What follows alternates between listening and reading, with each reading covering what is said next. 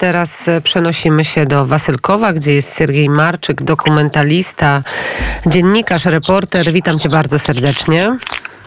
Dzień dobry Państwu. Dzień dobry. W nocy z niedzieli na poniedziałek wiemy, że trwały rosyjskie bombardowania Wasylkowa. Jak minęła dzisiejsza noc? Dzisiejsza noc była spokojna. E, przed, e, gdzieś przed godziną 22 e, zostali strącone dwie rosyjskie rakiety, w sensie obrona przeciwpowietrzna wojska ukraińskiego strąciło dwie rosyjskie rakiety. Później pojawiła się informacja o kolejnym jakimś e, środku latającym. Nie wiemy, czy to był helikopter, czy, e, czy samolot, czy może też rakieta, e, bo nie jesteśmy w stanie tam dotrzeć już drugą z, noc z rzędu. E, ukraińskie, ukraińska obrona przeciwpowietrzna zestrzeliwuje jakieś, e, jakieś urządzenie nad miastem. Z jednej strony cieszymy się, że, że zestrzeliwują, z drugiej strony ewidentnie jest, że uwaga do Wasylkowa ze strony wojska rosyjskiego znowu mocno wzrosła i walki teraz przedwczoraj w lesie tutaj obok Wasylkowa została e, roz, rozstrzelana, można powiedzieć, bo z ukraińskiej artylerii e, kolejna grupa dywersyjna. E, rano chłopaki, moi koledzy byli tam na miejscu, wczoraj rano byli tam na miejscu, znaleźli kilka ciał rosyjskich E, żołnierzy, więc no znowu mm, sytuacja wraca do tego, do takiej sytuacji, którą zostałem e, dwa tygodnie temu, kiedy tutaj trafiłem, bo wtedy mm, odbywali się bardzo intensywne walki e, obok Wasylkowa i na terenie Wasylkowa. Więc obawiam się, że, że to powraca. No, że to powraca. Powiedziałeś o tym, że znaleziono kilka ciał. Rozumiem, że w lesie cały czas ukrywają się rosyjscy dywersanci. Tak, tak. Cały czas są rosyjscy dywersanci w okolicy Wasylkowa, w lasach pod Wasylkowem. Mm, czasem udaje się ich znaleźć, czasem nie. No to akurat była e, dobrze zorganizowana operacja e, e, wojsko, w sumie chłopaki z wojska namierzyli ich i później po prostu zbombardowali to miejsce. Więc tych akurat udało się zlikwidować. Natomiast nie wiemy, ile dokładnie siedzi po okolicznych lasach. E, powiedz e, proszę, wiemy, że w ogóle w niektórych miejscach brakuje hełmów, brakuje kamizelek. Jak ta sytuacja wygląda w Wasylkowie? Czy wy takiej pomocy cały czas oczekujecie? Tak, e, kamizelek i hełmów brakuje bardzo, bardzo. Zorganizowaliśmy, to znaczy zorganizowaliśmy, nie miałem z tym nic wspólnego. Obrona terytorialna razem z miejscowymi wolontariuszami i kilkoma mm, przedsiębiorcami zorganizowali produkcję takich e, kamizelek. E, dziewczyny teraz szyją własnoręczne.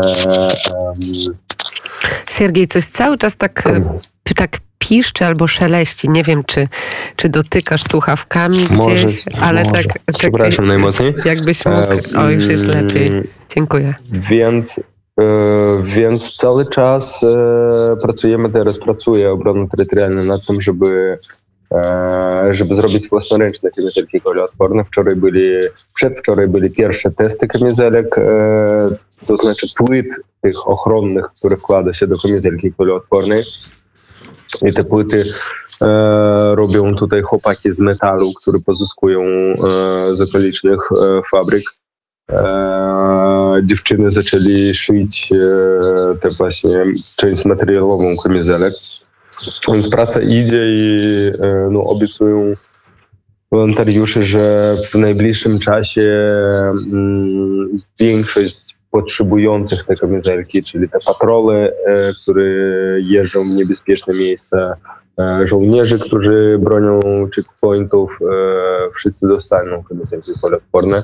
Natomiast e, no, gorzej i trudniej jest e, z hełmami, bo mm, no, nie da się tego wyprodukować własnoręcznie, a zwłaszcza taki hem, który byłby, który chroniłby przed e, chociażby Kałasznikowym, już nie mówiąc o SWD, e, który ma dość mocną siłę rażenia i to musi być naprawdę zaawansowany kask lub hełm. Więc no, z tym jest duży problem. E, mm, zbieramy, staramy się zbierać informacje z tych e, szczątkowych faktów na temat e, sytuacji na froncie. Mówi się od kilku, kilkunastu godzin o możliwym kolejnym uderzeniu rosyjskim. Chyba ono się odbyło na, na Mariupol, ale pytanie, czy także na północ od Kijowa, czy, czy w, w, w okolicach Kijowa również można powiedzieć, że wojska rosyjskie w jakimś stopniu przy, przystąpiły do ofensywy. Nie jestem w stanie powiedzieć e, nic wam więcej o Kijowie, bo e, jestem tutaj w, na miejscu w Wasyłkowie. To jest jasne, to jest pytanie, czy w Wasylkowie da się odczuć, że na przykład Rosjanie jakoś zintensyfikowali swoje działania wojenne? Na pewno, na pewno. No, częściej, częściej widzimy rakiety, które przylatują nad Wasylkowem e, i lecą dalej. Częściej te rakiety zostają strącone. E, teraz już co, w sumie nawet nie co noc, tylko co wieczór zaczyna się większa lub, wiek, e, lub mniejsza walka e, strzelanina, więc e, na pewno przez ostatnie dwa dni mamy taką mm, intensyfikację mm, działań rosyjskiego wojska tutaj w okolicy. Natomiast e, no, na razie nie udało im się zająć jakichś ważnych pozycji e, w okolicach Wasylkowa, ani wejść do miasta. E, przez te dni, kiedy, kiedy było troszeczkę ciszej, wojsko ukraińskie mocno tutaj się okopało, przygotowało się, zostali ściągnięte wszystkie potrzebne środki i może mm, obrona terytorialna nie ma mm, broni przeciwczołgowej, natomiast no, są tutaj, Wasylków jest miastem, które liczyło tam prawie 40 tysięcy mm, e, mieszkańców przed wojną i spora część z nich to byli wojskowi. E, więc wojsko, ci ludzie, którzy zostali tutaj na terenie, no oni mają dość dobry sprzęt i przy współpracy z obroną terytorialną myślę, że poradzą przy następnych atakach. Mam nadzieję, że poradzą. No, w sumie jestem z nimi w jednym w jednym statku i płyniemy gdzieś w jednym kierunku. E, działa o tym, o tym już mówili, że działa skutecznie ukraińska artyleria, a, a tam, gdzie dochodzi do starć już bezpośrednich, albo, albo czołgów, albo innego sprzętu technicznego, albo grup żołnierzy, pododdziałów żołnierzy, to jak to wygląda? Na ile masz informacje z tych, z tych linii frontu? Jakie są morale Rosjan? E, jak zażarcie oni atakują? Jak bardzo? Jaką mają wolę walki? Bo jaką mają Ukraińcy to wiemy, ale zastanawiamy się, czy, czy, czy u Rosjan zostało chociaż trochę morale, żeby podjąć się próby kolejnej ofensywy. Nie jestem w stanie tego po powiedzieć. E, wiem, że w sensie no, każda propaganda działa na swoją korzyść w, tej, w tych warunkach. E, tak, Rosja oczywiście wrzuca e, informacje propagandowe, e, które nie mają do czynienia z rzeczywistości. Tak, strona ukraińska również to powtarza. W sensie to jest normalne. W każdej wojnie tak powinna działać polityka informacyjna, żeby, żeby wrzucać nie wszystkie informacje dochodzą do nas prawdziwe, więc E, więc no nie jestem w stanie powiedzieć, jakie są tam morale. Oczywiście my dostajemy informację, że Ruscy są zdemoralizowani mm, i nie chcą walczyć. Są informacje, że białoruskie oddziały, któreś tam kolejne odmawiają współpracy i nie chcą wchodzić na teren e, Ukrainy tylko dlatego Białorusi jeszcze nie ma, że ktoś tam zrezygnował, ale E, no musicie Państwo rozumieć, że to jest część gry mm, wojny informacyjnej, e, tej gry politycznej, która teraz tutaj się odbywa i z każdej ze stron e, no, jakaś tam dezinformacja będzie powstawać. Każdej, przy każdej wojnie to jest standard, że informacje musimy dzielić na dwa i dopiero sprawdzę, czy, czy, tak, czy tak to jest. Fajnie by było wierzyć w to, że są wszyscy Rosjanie zdemoralizowani, ale wydaje mi się, że nie do końca jest tak.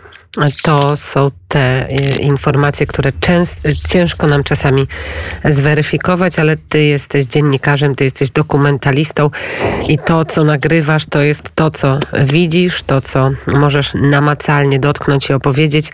Ale też jest tak, bo to jest bardzo ciekawy wniosek, tak, że jednak niektórzy, niektóre przynajmniej poddziały rosyjskie najprawdopodobniej są gotowe i chcą mm, walczyć, czy są gotowe wykonywać rozkazy, to bezpieczniejszy termin. To czy jeszcze, czy gdziekolwiek z przesłuchów, które masz będąc na Ukrainie, to dość blisko walk, y, można wskazać, że gdziekolwiek wojska rosyjskie postępują do przodu, czy możemy przekazać jakąś wiarygodną informację, jak realnie wygląda sytuacja na froncie czy, i czy gdziekolwiek Rosjanie odnoszą sukcesy w ramach tej operacji? Jeżeli te sukcesy są, to nie są jakieś tam e, super znaczące. E, jest tam Rosja powiedzmy zajęła już całkowicie Irpień pod Kijowem, z tego co ostatnio rozmawialiśmy tam z e, żołnierzami na terenie. E, Zajęli Irpień, chociaż znowu pojawiała się informacja, że Irpień był wyzwolony i mm, Ministerstwa mm, Sztab Generalny Wojska Ukraińskiego podał informację, że, że już nie ma ruskich tam, natomiast no, z tego co ja się orientuję, e, nadal są i, i próbują tam okopywać się i wzmacniać swoje pozycje, ale no nie jest to na tyle znaczące posunięcie, żeby nie dało rady tego odwrócić w drugą stronę, a to, że oni tam stoją i nie są w stanie e, ruszyć dalej z ofensywą, to też dla nas jest bardzo dobry sygnał. To znaczy, że ta walka mm, wycieńczyła ich trochę. Wszyscy myśleliśmy, że po zajęciu Irpinia i, e, i Abalonia, e, czyli tych dwóch dzielnic w, pod Kijowem, które zostali mocno atakowa- zaatakowane przez ruskich, byliśmy pewni, że ta ofensywa się nasili i będzie ruszyć dalej, natomiast no, to się nie odbyło. To jest dla nas wszystkich dobry sygnał. Oni rzucili bardzo dużo siły, żeby e, zająć e, te okolice. Stoją w miejscu. E, a jeżeli będą stać w miejscu dalej, no to wiadomo, że oni krócej tam przetrwają niż, e, niż wojsko ukraińskie, które stoi w Kijowie, no bo ma u siebie za plecami o wiele większe zaplecze e, artyleryjskie i o wiele większe możliwości niż u grupy Rosjan, którzy trzymają jedną dzielniczkę. Bardzo dziękujemy za tę korespondencję. Siergiej Marczyk, dokumentalista, dziennikarz, który jest obecnie w Wasilkowie, de facto linia frontu, jeżeli chodzi o wojnę na Ukrainie. Bardzo dziękujemy za rozmowę. Dziękuję bardzo. Do widzenia.